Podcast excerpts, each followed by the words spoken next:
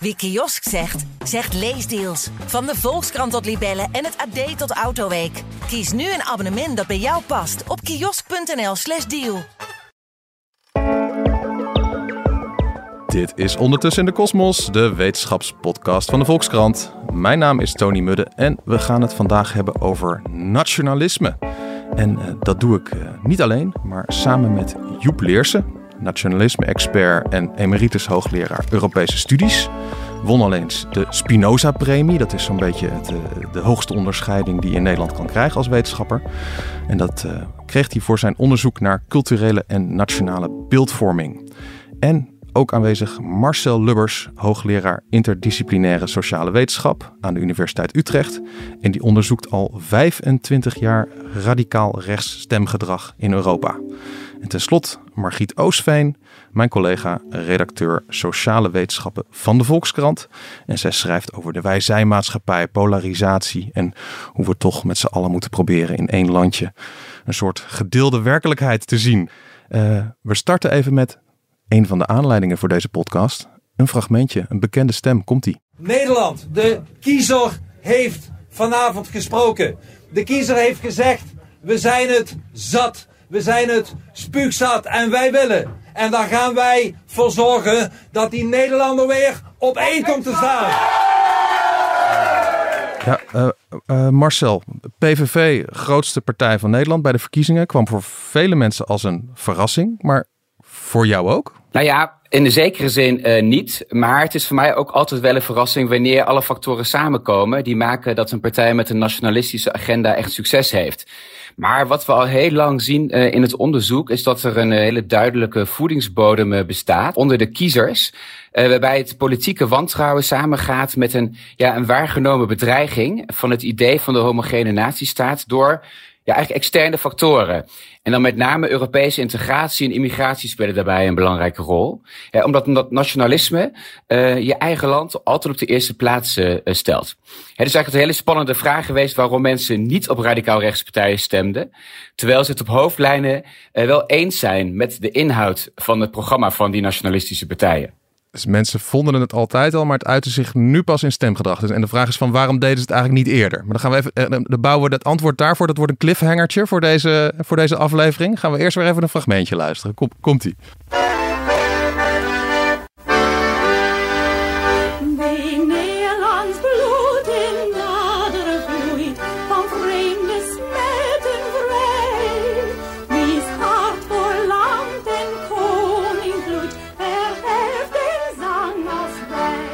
Margriet, help ons. Wat horen we hier? We horen het uh, volkslied uh, Wie Nederlands bloed, waarmee Hendrik Tollens in 1815 de wedstrijd Schrijf een tekst voor een nieuw volkslied won. Ja. Met de nu wel beruchte regels Wie Nederlands bloed door daderen stroomt van vreemde smetten vrij. Dat was de oorspronkelijke tekst. Mm -hmm. Die is uh, eind 19e eeuw veranderd in Wiend hart klopt vier en vrij.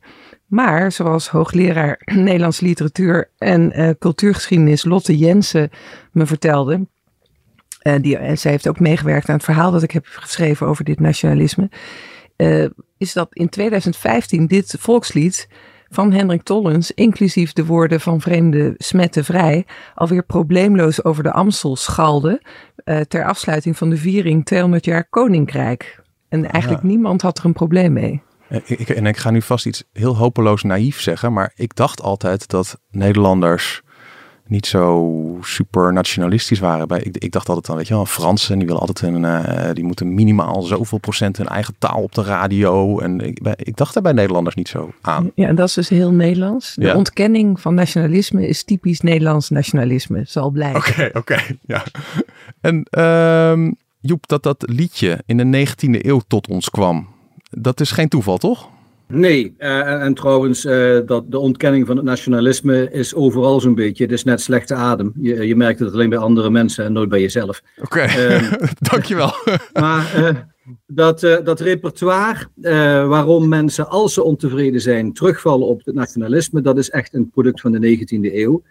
dit liedje werd inderdaad door Tollens gefabriceerd toen na Napoleon het nieuwe Nederland werd gecreëerd. Toen, en ja, nee, uh, men had voorheen een vorstenstaat gehad. Uh, al die staten in Europa waren helemaal georiënteerd. En dat moesten nu nationale staten worden. Dat had men wel uit de Franse Revolutie meegenomen. En wat Tollens dus maakt, is eigenlijk een soort meezinger. Uh, zingt allemaal het, het, feestlied voor vaderland en vorst. Dus je krijgt een soort koppelverkoop dat vorst en vaderland gelijkelijk uh, een, een, een soort pretelement vormen van hoera, wat hebben wij het toch goed samen. Mm -hmm. En dat is uh, kenmerkend voor bijna alle volksliederen die allemaal als paddenstoelen uit de grond schieten in Europa in de 19e eeuw. Ja, ja, ja. En die standbeelden van VOC-kapiteins en zo, die, die komen, komen die eigenlijk ook uit die tijd? Ja, dat, dat volgt allemaal in de cultus van die nieuwe uh, nazistaten, zoals dat heet. Hè. Dat is dan een begrip dat in de 19e eeuw opkomt.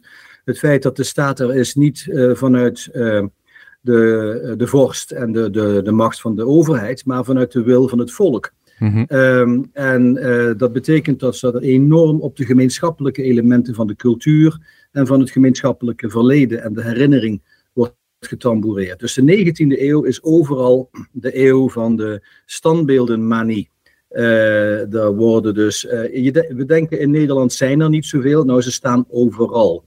Uh, Michiel de Ruiter, Thorbecke, Tollens, de Slag bij Heiligerlee, Willem II voor, voor, de, voor het Binnenhof, noem maar op. Als je ze eenmaal ziet, zie je ze overal. En ze zijn allemaal ergens tussen 1860 en 1925 gebouwd. En ze gaan bijna allemaal over wat in de 19e eeuw gaat heten de Gouden Eeuw. En de tijd dat we nog groot waren en een VOC-mentaliteit hadden. Ja, dat zijn allemaal ver nadat die mensen daadwerkelijk geleefd hebben en hun daden verrichten, zijn die standbeelden er gekomen. Dat is een soort, ja, een soort hunkering naar het verleden. Ja, het is ook een soort compensatiepolitiek. Nederland in de 19e eeuw is uh, trekschuiten, horretjeslucht en spruitjesgeur, is totaal duf. Uh, Nederland heeft al, al helemaal niks te makken. Afgezien van het feit dat we nog steeds in staat zijn om de koloniën uit te buiten. Maar als Europees land tellen we niet meer mee. Dus we compenseren dat idee van een neergang met de grootste herinneringen van wat waren wij toch goed. Zoals we nu nog terugdenken aan Johan Cruijff en Ruud Gullit. Uh, als we vinden dat het voetbal eigenlijk niet meer zo bijster is. Dus we, Nederland hangt zich heel erg op aan die vergane glorie. En Joep, jij had er zo'n mooi woord voor. Je noemde het Efteling-nationalisme. Ja, ja, het is dus eigenlijk een, niet zozeer. Kijk, als wij die standbeelden zien, dan denken we, oh, Jan Pieterszoon Koen, dat was ergens rond 1600 een man in. Uh, en oh, Michiel de Ruiter, allemaal gouden eeuwers. Nee, ja, dat kan wel kloppen. Maar je moet ook eens kijken, wanneer zijn die standbeelden opgericht? En die zijn allemaal opgericht in die jaren. En dat is dus een beetje een soort land van ooit en een namaakverleden en een, een soort eye candy. Het ziet er leuk uit. En het is een, pret, een pretpark. Het is Efteling nationalisme. Ja. Het lijkt me iets wat ook gewoon heel diep geworteld zit in, in mensen en misschien zelfs wel in dieren. Zo van ja, ik hoor bij een groep en dat is ergens afgebakend en dit is mijn clubpie. En dat je dat dan ook met een land krijgt. Het is ook niet zo heel gek, toch? Nou, het is ook niet zo heel natuurlijk. Uh, mensen hebben het eeuwen en zelfs millennia lang gehad, voornamelijk met hun religie. Mm -hmm. uh, of met hun klasse, mm -hmm. uh, of met de stad waarin ze wonen en waarin ze burger en aandeelhouder waren. En dat dat opeens niet alleen de staat is, maar dus de staat als, laten we zeggen, het rijk van de vorst, wiens onderdaan je bent, maar als de belichaming van de ge culturele gemeenschap, waarin je een Nederlander bent, met dezelfde gevoelens, dezelfde emoties, dezelfde culturele herinneringen, dezelfde tradities, die politieke invulling van saamhorigheid is typisch voor de romantiek. Die zie je voor 1800 nauwelijks op nationaal niveau en die zie je na 1800 bijna overal. En, en die, die indeling in, in nazistaten, uh, dat, dat, dat gebeurde in zo'n beetje in Versailles, toch? Ja, nou in, uh, in, in het verdrag van Versailles, dus niet het paleis van Lodewijk XIV, ja? maar in het, uh, de, de vredesonderhandelingen van 1918, 1919. Uh, toen kwam de Amerikaanse president Wilson en die had de Europese les geleerd. En die, had als, uh, die, die wilde één ding, dat was de grote keizerrijken opdelen die die oorlog hadden uitgelokt. En dat waren dus eigenlijk Duitsland, Oostenrijk, het Osmaanse Rijk en Rusland was al uh, tegen de vlakte gegaan door de revolutie daar. En hij kwam met het idee van het zelfbeschikkingsrecht der volkeren. Dat vinden wij nu een heel natuurlijk principe, maar het was toch op zekere, tot op zekere hoogte een novum, een uitvinding van de 19e eeuw. En de grote vraag was natuurlijk, wie is één volk? Mhm. Zijn de Tsjechen en de Slowaken twee volkeren of zijn ze er één? Hoe dan ook, dat breekijzer werd gebruikt om al die Centraal-Europese keizerrijken op te delen in wat nazistaten ging heten. En die allemaal gebaseerd waren op het idee, als je een cultuur hebt, dan ben je een volk. En als je een volk bent, een natie, dan heb je recht op zelfbeschikking. Dus die vertaalslag is toen helemaal in de internationale politiek tot een hoeksteen van de verhoudingen geworden. En, en dat klinkt ook wel een beetje goed. Soort zelfbeschikkingsrecht. Ja, ik, ik, ik eh, denk, eh, klinkt mij positief in de oren. Ja, zoals gezegd, in het begin, in de 19e eeuw, begint dat als een verzet tegen de vorstenstaat. De gedachte, wie maakt nou eigenlijk uit waarvoor de staat dient, eh, werd voor de Franse revolutie beantwoord door dat doet de vorst. En eh, na Rousseau en na het sociaal contract wordt gezegd, nee, dat doet het volk, dat, dat doen de belastingbetalers. En daar is eigenlijk helemaal niks mis mee. Dat is, en de, ik moet nu even technisch gaan worden, eh, een, de, een, een invulling, invulling van de natie als een demos, als een democratie. Dat wil dus zeggen een volkslaag. Maar in de loop van de 19e eeuw verschuift dat idee van de demos als belastingbetalende volkslaag steeds meer in de richting van de etnos, naar een cultuurgemeenschap. Een groep mensen die sa samenhoren op basis van een gedeelde taal, een gedeelde geschiedenis, gedeelde herinneringen, gedeelde normen en waarden. En die verschuiving die leidt dus van, laten we zeggen, een patriotisch idee van wij maken zelf wel uit wat de staat doet, omdat wij de belastingen betalen, naar wij maken zelf wel uit, want wij zijn de Nederlanders en vreemde snoeshanen hebben daar niks mee te maken. Dus die, eh, eh, daar zit dus ook wel een wormpje in de appel. Het beginsel is prima, maar het is erg eh, afgegleden in de eeuw na Tollens en na het Wien Nederlands Blues. En, kan je eens een vormpje geven van hoe zo'n wormpje in de appel de, de verkeerde afslag neemt? Ja hoor. Nou ja, je hoort dus vaak zeggen, kijk, de nazistaat, het is misschien niet ideaal, maar het is het beste wat we hebben. Mhm. Ehm, nou, als je bekijkt wat er met al die nieuwe landen is gebeurd na het verdrag van Versailles en het verdrag van Trianon en het verdrag van Sèvres, al die, die, die verdragen van 1919. Hoera, de Esten, de Litouwers, de Roemenen en voor al die volkeren, die krijgen hun onafhankelijkheid, ze zijn vrij. En binnen de tien jaar zetten ze allemaal hun parlementaire vrijheid bij het oud vuil en worden in al die landen eh, sterke autoritaire leiders benoemd, dictatoren. Ze zijn nu een beetje uit het zicht verdwenen, omdat Hitler en Stalin eroverheen zijn gewalst. Maar Pilsudski in Polen en Metaxas in Griekenland en Horthy in Hongarije, en noem maar op, noem maar op. Overal in die landen werd de, de democratie opzij geschoven door nationalistische dictatoren. We kennen het beter uit Portugal met Salazar en Spanje met Franco. Maar overal zie je dus dat dat het proces is waarin de democratie afglijdt naar wat ik dan maar even etnocratie noem. En, en kan etnocratie ook wel goed gaan of gaat dat altijd fout? Ik denk dat dat altijd fout gaat. Dem- eh, het is heel gezond om een zekere mate van saamhorigheidsgevoel te hebben. Als je bijvoorbeeld na de watersnoodramp van 1953 deltawerken wil gaan bouwen of zo, dan zet je samen de schouders eronder en een beetje hup, daar gaan we met z'n allen, daar is niks mis mee. Mhm. Maar zodra dat te maken heeft met wij zijn, wij zijn blond, blauw ogen, heten Henk en Ingrid en wij zingen ferme jonge stoere knapen, dan moet je oppassen, want dan is er iets mis met je gedachtegang. En, en eh, ja, eventjes eh, mijn, mijn eigen nationalisme ladder ben ik even nieuwsgierig waar je mij indeelt. Want ik heb dus, zodra er iemand in een oranje t-shirtje meedoet met een sportwedstrijd, dan ben ik heel erg voor diegene in dat oranje t-shirtje. Terwijl die sport me voorheen totaal niet interesseerde. En ik weet niet goed. Ik kan, mij, kan niet goed bij mezelf duiden wat dat is. Wat, wat, maar, maar jij misschien wel. Ik, even, ik ga even op de psychologische bank liggen hier. ja, maar ik moet je toegeven, kijk, niemand is. eh, eh, Ik ben ook niet zo'n fariseer hoor. Ik heb dat met Limburgers. Maar goed, dat, dat is ook een beetje waarom ik eh, een beetje ingeënt ben tegen Hollands nationalisme.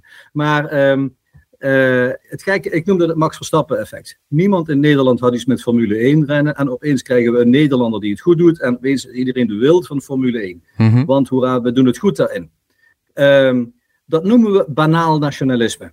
Eh, dat is eigenlijk eh, de hele milde vorm van een, een soort bepaalde mate van chauvinisme, van een, een irrationele, onwillekeurige betrokkenheid bij een, eh, een land dat je als het jouwe beschouwt. Het is een vorm van identificatie, niet van Mhm. identiteit, maar van identificatie, iets waar je zelf voor opteert. Mhm. En de meeste mensen hebben dat wel. Alleen het is net zoals suiker en zout in je eten. Je hebt het nodig. Maar je moet ook even uitkijken hoeveel je per dag tot je neemt. Oh ja, ja. Dus zodra ik ga denken van een, bij een voetbalwedstrijd van uh, ja, geef hem maar een, uh, een beuk, die Italiaan, dan gaat het een beetje de verkeerde kant op waarschijnlijk. Ja, of als je gaat roepen van mijn fiets terug of zo, dan uh, ja, precies. in een wedstrijd tegen Duitsland, dan komen er andere emoties in het spel. En dan moet je je afvragen, is dat nou eigenlijk wel waar je voor wil staan? Ben, je dat, ben jij dat echt? En Margriet, heb jij, heb jij nog soorten nationalisme gevonden? Van ja, ja, mensen denken toch vaak van oeh, dat gaat de verkeerde kant op die wel goed kunnen zijn? Nou, dat heeft eh, Marcel me goed uitgelegd. Ik hoop dat hij dat zo ook doet. Dan kom je bij het verschil tussen patriotisme en chauvinisme. Mhm. Uh, maar misschien is het goed om even naar een geluidsfragment te luisteren dat daarover gaat. Op het moment dat de kisten met slachtoffers nog onderweg zijn vanuit Kharkov naar Eindhoven, zoeken de eerste mensen al een plekje op het viaduct over de A2 bij Rosmalen. Ik vind het ook heel keurig en netjes, toch zoals de Nederlandse regering het nu afhandelt. En daar wil ik toch... Uh, ja, niet getuige van zijn, maar wel een eerbetoon aan. Om kwart voor zes trekt de rouwstoet van de vliegbasis in Eindhoven naar Hilversum, de plaats waar alle lichamen van de MH17-slachtoffers worden geïdentificeerd. En vertel, waarom wilde je dit fragment uh, laten horen? Nou, ik herinner me echt als een, een heel um, uh, saamhorig moment in Nederland. Ik vond het ook erg indrukwekkend, zoals heel veel Nederlanders toen langs de snelweg stonden. En het Mhm. enorme formele orde bijna, waarmee na zo'n chaotisch, verschrikkelijk ongeluk, nou ongeluk bedoelen we dus uit de lucht schieten van het vliegtuig, Ja. die, die auto's het kaarsrecht terugreden. Iedereen samenkwam rond, rond, die wegen om daar een soort eh, eer te betuigen aan, aan de slachtoffers die werden binnengebracht. Mhm. Bij mij riep dat een, ik denk, een vorm van patriotisme op, waarvan ik denk en hoop dat dat goed patriotisme is. Mhm. Ik heb ook, moet ik eerlijk bekennen, ik had nooit een Nederlandse vlag in huis. En ik heb hem toen gekocht om hem half stok te kunnen hangen. Kijk. Omdat ik ja. echt dacht, het kan toch niet dat die mensen terugkomen en dat iedereen maar gewoon doorleeft alsof er niks aan de hand was. Weet je wel, een soort behoefte om even te laten merken dat er hier iets heel groots, enorms was gebeurd in Nederland. Ja. En eh, Marcel, is, dit is patriotisme wat we hier zagen en hoorden? Ik uh, zou daar graag inderdaad uh, de term patriotisme aan toekennen. En ik denk ook wel dat het goed is om te beseffen, wat Joep net ook al aangaf, is dat zodra we met elkaar nou ja, vormgeven aan het samenleven, hoe we het samenleven van mensen vormgeven, dat aan de hand gebeurt van de natiestaat, betekent ook dat de mensen zich op een bepaalde manier gaan verhouden tot die natiestaat. En dat ook iets gevraagd wordt van mensen om zich te verhouden tot die natiestaat. Het gaat tot het identificeren met uh, die natiestaat. En um, ja, dan komt er ook iets van een positief gevoel uh, daar naartoe. En dat positieve gevoel kan er ook toe bijdragen dat mensen zich met elkaar verbonden voelen in het gegeven hè, waarlangs wij dat samenleven organiseren, in dit geval de natiestaat. En dat zien we dus eigenlijk terugkomen in allerlei vormen van het denken met elkaar, uh, het vieren ook met elkaar, dat we met elkaar behoren tot die natiestaat. Uh, en in ons onderzoek zien we dat ook naar voren komen, bijvoorbeeld uh, bij het vieren van 5 mei of het herdenken bij op 4 mei. Um, en dat kweekt ook een soort van saamhorigheid. Um, en het idee is eigenlijk ook dat patriotisme, dus eigenlijk dat het positieve, positieve relatie die mensen hebben tot de natiestaat, uh, kan bijdragen um, aan, een, aan een, een saamhorigheidsgevoel, cohesie in de samenleving. Waarbij mensen zich door die verbondenheid zich ook meer bijvoorbeeld aan de regels uh, houden van een uh, samenleving. Um, en dat is eigenlijk ook natuurlijk het idee geweest bij het ontstaan van die nieuwe landen. Van hoe zorg je ervoor dat je mensen meekrijgt bij dit uh, nieuwe samenlevingsverband. En ook vandaag de dag is dat natuurlijk nog steeds een belangrijke vraag. Hoe zorgen we ervoor dat mensen zich verbonden blijven voelen met ja, de manier waarop wij ons samenleven nu organiseren. En dat is uh, ja, in de vorm van Nederland. Dus het idee van, ja, we hebben een, allerlei manieren om ons verbonden te voelen. En dat is een positieve manier, daar voelen we ons trots op. Dat is inderdaad een vorm van patriotisme. Dus een zekere mate van nationalisme dan in de vorm van ja, patriot zijn. Dat, dat kan helpen om ervoor te zorgen dat mensen denken... ja, we moeten met z'n allen belasting betalen... want dat hebben we met z'n allen hier nodig voor onze wegen en onze ziekenhuiszorg. Dat, dat het daar dus een goed element voor is. Ja, dat is het idee van het patriotisme. Dus een, een, een, positieve, een, een positieve relatie met de natiestaat... en een verbondenheid dat je daarmee ook meer wil inzetten voor het collectief. En wanneer wordt het dan chauvinisme? Ja, ook denk dat daar Joep al wel mooi naar verwezen heeft. Uh, dat het op een gegeven moment uh, nou, het idee van wij zijn beter, wij zijn superieur aan anderen, wij sluiten anderen buiten. Um, en dan gaat het erover dat je, je land dus beter gaat vinden dan anderen. Uh, en daar zijn nou ja, allerlei wel voorbeelden van. Uh, dat superioriteitsdenken uh, naar voren is gekomen in de geschiedenis. En eigenlijk het afzetten van jouw land tegenover anderen. En het alles wat er in jouw land gebeurt. En met name dus op het terrein van de etnos, de cultuur. Het superieur achten aan andere landen. Um, waarbij je eigenlijk een soort een conflict situatie ook krijgt met uh, andere landen. Um, en hetgene wat er gebeurt in je land ook wil gaan beschermen tegenover wat er in andere landen gebeurt. Wat een bedreiging zou kunnen gaan vormen. Oh ja. En, en Margriet, op die hele schaal van patriotisme, chauvinisme, waar zitten, waar zitten we nu eigenlijk? Nou, de laatste jaren. Als samenleving? Ja, de laatste jaren hoor je steeds vaker een, een voor mij term die voor mij nog nieuw was een paar jaar geleden. En dat is nativisme. Dat mm -hmm. is eigenlijk de derde trap na patriotisme en chauvinisme. Daarvoor sprak ik voor mijn verhaal ook met uh, Jan-Willem Duivendak en uh, Jozef Kesic van de UvA, uh, Universiteit van Amsterdam. zij hebben daar een boek over geschreven, The Return of the Native. En um, nativisme is eigenlijk de derde trap. Dus wat Marcel uitlegde bij chauvinisme, ga je jezelf je eigen land superieur vinden aan andere landen. Mm -hmm. uh, bij nativisme slaat het dat gevoel als het ware naar binnen. Dan worden er binnen je eigen landsgrenzen interne vijanden gezien. Ja. Die minderwaardig zouden zijn. En het, de demos en de etnos, die Joep al uitlegde, waar langs naties zijn gevormd. Namelijk samen deel uitmaken van dezelfde, hè, dezelfde wetten delen, dezelfde belasting betalen of een deel van je cultuur delen. Daar worden bepaalde mensen van buiten gesloten.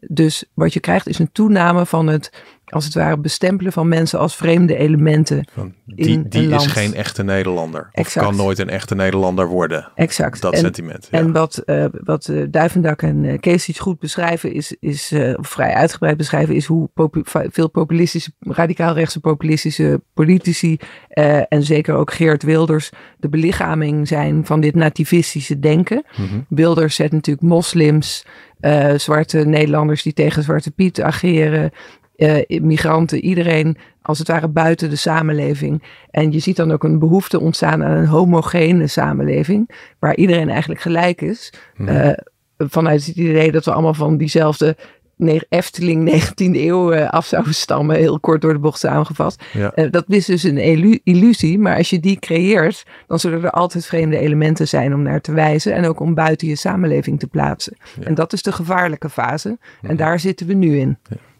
En uh, ja, Marcel, de, de cliffhanger van het begin even, want jij zei dus van ja, er zijn al jaren of decennia lang zijn er gewoon hordes mensen die ja, denken van nou, ik voel wel wat voor nationalistische standpunten. Uh, alleen ja, in Nederland dat er massaal op gestemd wordt is vrij nieuw. Maar hoe kan het dan dat er decennia lang niet zo massaal op gestemd werd? Ja, het, we zien al heel lang dat het nativisme uh, sterk voorkomt onder de bevolking. En met name het idee van de homogene natiestaat bedreigd wordt door externe factoren, waar ik ook mee begon. Hè. Dus de Europese eenwording zou een bedreiging zijn, of de komst van meer migranten zou een bedreiging zijn. En het interessante daarin is dat uh, zij ook niet per se patriotisch of chauvinistisch hoeven te zijn. Want het idee is daar vaak uh, dat zij nu niet meer trots zijn op Nederland. Of nu niet Nederland meer beter vinden of superieur vinden aan andere landen. Maar wel het gecreëerde verleden van Nederland uh, beter vinden dan het andere landen zijn. Of dat zij trots zijn op een nou, gemaakt of geconstrueerd ideaal verleden van, van Nederland. Dus een nostalgisch perspectief van wat Nederland ooit was. En dat, uh, dat dat inmiddels al nou ja, verkwanseld is uh, door de politici en bedreigd wordt door verdere, uh, door externe invloeden als Europese integratie en verdergaande migratie. Um, en dat sentiment, dat, dat idee, dat leeft al heel lang nou, onder de kiezers. Um, maar inderdaad werd voor lange tijd niet gemobiliseerd uh, door uh, partijen. En dat, dat heeft, er, heeft er echt met allerlei factoren te maken. Uh, een van de hele interessante factoren waar Joep ook al naar verwees, is de belang van andere sociale structuren in de samenleving en de inbedding daarvan. Dus uh, waarin we tot, uh, nou ja, tot, eigenlijk tot ver in de 20ste eeuw nog een grotere invloed zagen van de inbedding in religie of in sociale klassen. Um, zien we dat eigenlijk steeds minder sterk geworden. En dat vormde eigenlijk een soort bescherming van dat de nazistaat het belangrijkste werd voor mensen waarop ze dan wel zijn gaan kiezen voor die nationalistische ideologie. Voor mensen die iets minder in thuis zijn. Je bedoelt denk ik ook dat de mensen in hun de, hun zuil vroeger tijdens de verzuiling was belangrijker dan de natie. Dat is inderdaad wat ik uh, bedoel. Het is zo dat mensen in zuilen en in klassen veel meer uh, uh, leefden en daar veel meer belang aan toekenden. Maar het fascinerend is nu dat um, wat we zagen in onderzoek in de jaren 80 en de 90 al, is dat mensen die tot die zuil behoorden of tot die sociale klasse misschien niet minder nationalistisch waren, maar vanwege die inbedding in die zuil of in die sociale klasse, toch kozen voor een christelijke partij of voor een sociaal-democratische partij. Dus mensen zijn niet niet zozeer veranderd in die houdingen of in die ideeën over wat nou een bedreiging zou vormen. Uh, maar omdat zij nu niet meer die christelijke uh, nou ja, uh, richtlijn hebben of die sociale klasse-richtlijn, komt eerder naar voren dat ze stemmen in lijn met die ideeën over de natie en daarom eerder kiezen voor een partij die zo'n nationalistische agenda voert. Ja, ja dat, dat, dat, klinkt, dat klinkt wel logisch inderdaad. En wat ik me ook wel eens afvraag van, is de oorlog niet gewoon te lang tussen aanhalingstekens geleden? Dat er gewoon mensen niet meer zo super bewust zijn van het gevaar van nationalisme, omdat dat gewoon hun verre opa's en oma's waren die dat wel direct hebben meegemaakt, welke kant het op kan gaan? Ja, ook daar zien we wel uh, onderzoek uh, naar. En dat is ook interessant om te zien in hoeverre er een norm bestaat. Waarin uh, die, die aangeeft of die geldt waarvoor mensen niet stemmen op deze partijen. Omdat er altijd een link werd gelegd met de jaren dertig en het opkomst van het nazisme. Um, en we zien ook dat die norm wat aan het wegebben is en dat het taboe op die radicaal rechtse partijen minder sterk uh, lijkt te worden. Dus ook dat speelt een rol.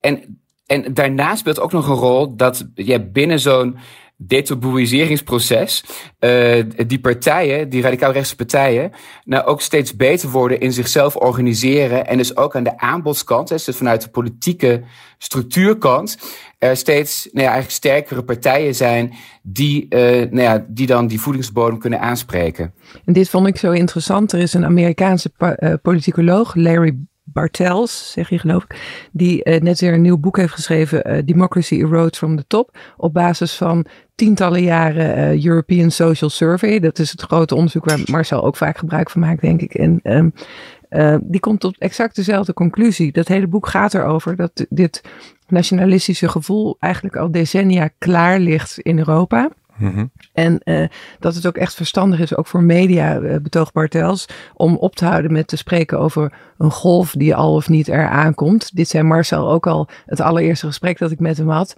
Ook van, ja jongens, het is, er, het is er eigenlijk al heel lang. Je kan veel beter spreken van een reservoir dat inderdaad door politici uh, wordt getriggerd.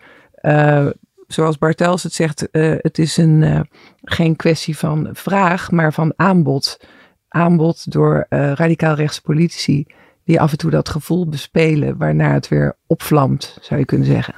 En, en jij had ook in je, eh, in je artikel in de Volkskrant hierover, uh, had je ook over dat eigenlijk reclamemakers het al iets eerder aanvoelden. Hè? Met, uh, dat die in producten zelfs er al op inspeelden dat dit sentiment breed leeft. Ja, het viel mij heel erg op, want ik heb zelf een tijd in het buitenland gewoond. En toen ik terugkwam in Nederland was rond 2011 toen dacht ik, mijn god, wat is dit opeens? Waar komen opeens al die Nederlandse vlaggetjes vandaan?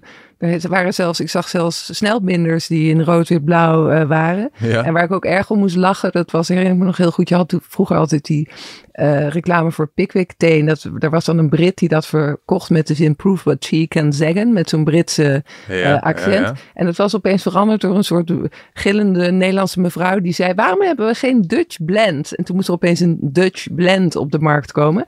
En zo ah, zag je dat eigenlijk in alle, op allerlei manieren zag je Nederland uh, José. En uh, bijvoorbeeld, nou ja, heel goed voorbeeld is natuurlijk de, de musical Soldaat van Oranje. Die inmiddels al nou, bijna 15 jaar of zo loopt. En al ruim 3 miljoen bezoekers heeft getrokken. 3 miljoen? Ja, dus... Ja, de, la, laatste, laatste fragmentje, die laten we ook nog even horen.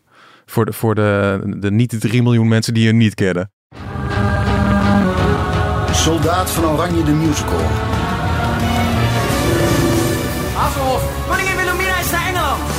Een waar gebeurd verhaal over vriendschap, keuzes maken en strijdt voor vrijheid en rechtvaardigheid. Ja, dit, dit is weer, uh, Joep, volgens mij, jij zou dit onder banaal nationalisme scharen, denk ik, toch? Of niet? Ja, het laat wel zien dat banaal nationalisme eigenlijk een heel krachtige politieke uh, beweging is. Het is niet zoiets dat maar oppervlakkig en, en, en vrijblijvend is. Uh, 3,5 miljoen mensen. dat is, mensen kijken vragen zich af waar moet het met 4 en 5 mei naartoe. Maar ondertussen koopt iedereen kaartjes om naar die bunker daar in de buurt van Katwijk te gaan. En dat is een soort nostalgie waar Marcel het ook al over had. Het verhaal is helemaal ontleend aan het allervroegste uh, beeld van de oorlog, van K. Norel, Engelandvaarders, uh, Wilhelmina in ballingschap. Dat is helemaal een 50er jaren uh, beeld van bezetting, verzet en victorie. waar in de jaren 60 en 70 heel veel aan gesleuteld is door Lou de Jong en door mensen die hebben gekeken naar andere aspecten van collaboratie en jodenvervolging. Nee, we gaan terug naar een 50er jaren verhaal. En ik zou uh, dat, dat banaal nationalisme, dat hangt ook zo rechtstreeks samen met het simplisme van de rood-wit-blauwe vlaggetjes. Uh, de snelbinders, de uh, prikkertjes op de rolmopsen, de Dutch blend. Dat zijn dezelfde mensen die dat fabriceren als de mensen die de shirtjes en de schmink maken voor de voetbalwedstrijden waar iedereen zich oranje kleurt. Dus daar loopt een rechtstreeks lijntje. En in de marketing uh, heet zoiets een reason to believe. Dus als je een Zwitsers vlaggetje zet op een stuk chocola of op een Poolse loge of op een zakmes zet, dan is het een goed product. Um, en en uh, een Nederlands vlaggetje, dan krijg je meteen dat eigenlijk Pavloviaanse die, die, reflex van het warme gevoel. Oh ja, dat is van ons bij. Hey, maar Joep, nu jij zo zegt over die, dat teruggrijpen naar de jaren 50, hè, Soldaat van Oranje. Denk ik, beleven we eigenlijk niet nu weer een soort 19e eeuw in, in dit... Uh, in die verheerlijking van het verleden. Ja, dat absoluut. Uh, wat de 19e eeuw had met de Gouden Eeuw, hè, die, die achteruitkijkspiegel van toen, dat is voor ons nu een beetje uh, uh, het Nederland van de wederopbouw, van toen was geluk nog heel gewoon, toen we nog uh, de herinnering hadden aan de oorlog en de gedeelde ervaring van wij waren goed en de Duitsers waren, waren slecht en nu zijn de Russen slecht. Dus een eenvoudige zwart-wit wereld zonder immigranten. Zelfs de Molukkers waren er nog niet. Hier en daar een paar Indo's in de Haagse buitenwijken, maar dan had je het gehad. Dus het was een heel be begrijpelijk Nederland. En dat is het Nederland waarin onze ouders uh, ons hebben verwekt, of onze grootouders uh, bij de voet. En die nostalgie, uh, die, is, die is levensgroot aanwezig. Daar heeft Marcel het al over gehad. Slotvraag voor, voor jullie alle drie. begin ik even met Marcel. Van, heb je nog iets van een advies? Hoe moeten we nou omgaan met nationalisme anno 2024? Nou ja, ik denk dat niet uh, elke vorm van uh, vertoon van vaderlandsliefde dus negatief is. Er zitten denk ik ook hele uh, duidelijke voorbeelden van wel inclusieve momenten van samenkomen hè, die te maken hebben met de nazistaat. Zoals inderdaad het uh, herdenken op 4 mei en het vieren op 5 mei. Of zelfs ook met, rondom het Koningshuis of rondom voetbalwedstrijden. Uh, dus er zijn ook wel uh, uh, aspecten aan het nationalisme die maken dat mensen een saamhorigheidsgevoel hebben. Uh, en het uh, zich verbonden weet te voelen aan het collectieve. En zolang we het samenleven organiseren in uh, landen en natiestaten, is dat denk ik wel een belangrijk aspect om ook inclusief patriotisme te kunnen blijven organiseren. Joep, jij sluit je daarbij aan? ja, grotendeels. Ik heb er misschien een kleine kanttekening bij. Ik -huh. denk dat um, patriotisme, om het maar even zo te noemen, heel nuttig is om uh, solidariteit in de samenleving te kweken. Met name so solidariteit tussen rijk en arm. Mm -hmm. Of mensen die allemaal geconfronteerd worden met een klimaatcrisis of een stijgende zeespiegel. Um, van de andere kant, het is een, uh, een, een emotie, vaderlandsliefde. Uh, het is een onderbuikgevoel. En je moet je afvragen waarom en door wie wordt het gebruikt. Dus mijn waarschuwing is. Um, deze emoties, dit warme wijgevoel, dat wordt meestal gekaapt door uh, politici die behoefte hebben aan charisma. En mijn waarschuwing is, hoe meer nationale vlaggen je op de achtergrond ziet bij een politieke spreker, des te meer moet je die spreker wantrouwen.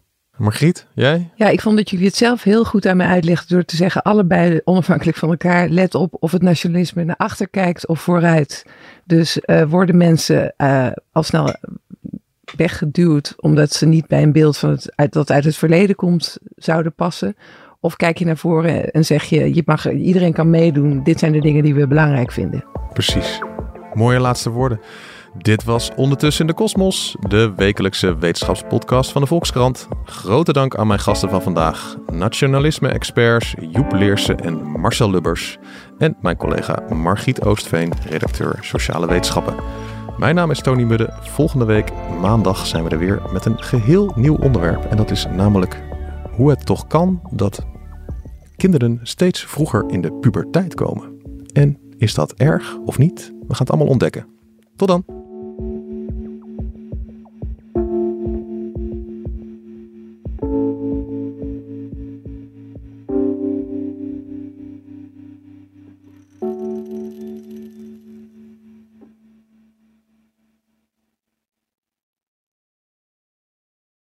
Wie kiosk zegt, zegt leesdeals. Van de Volkskrant tot Libellen en het AD tot Autoweek. Kies nu een abonnement dat bij jou past op kiosk.nl/slash deal.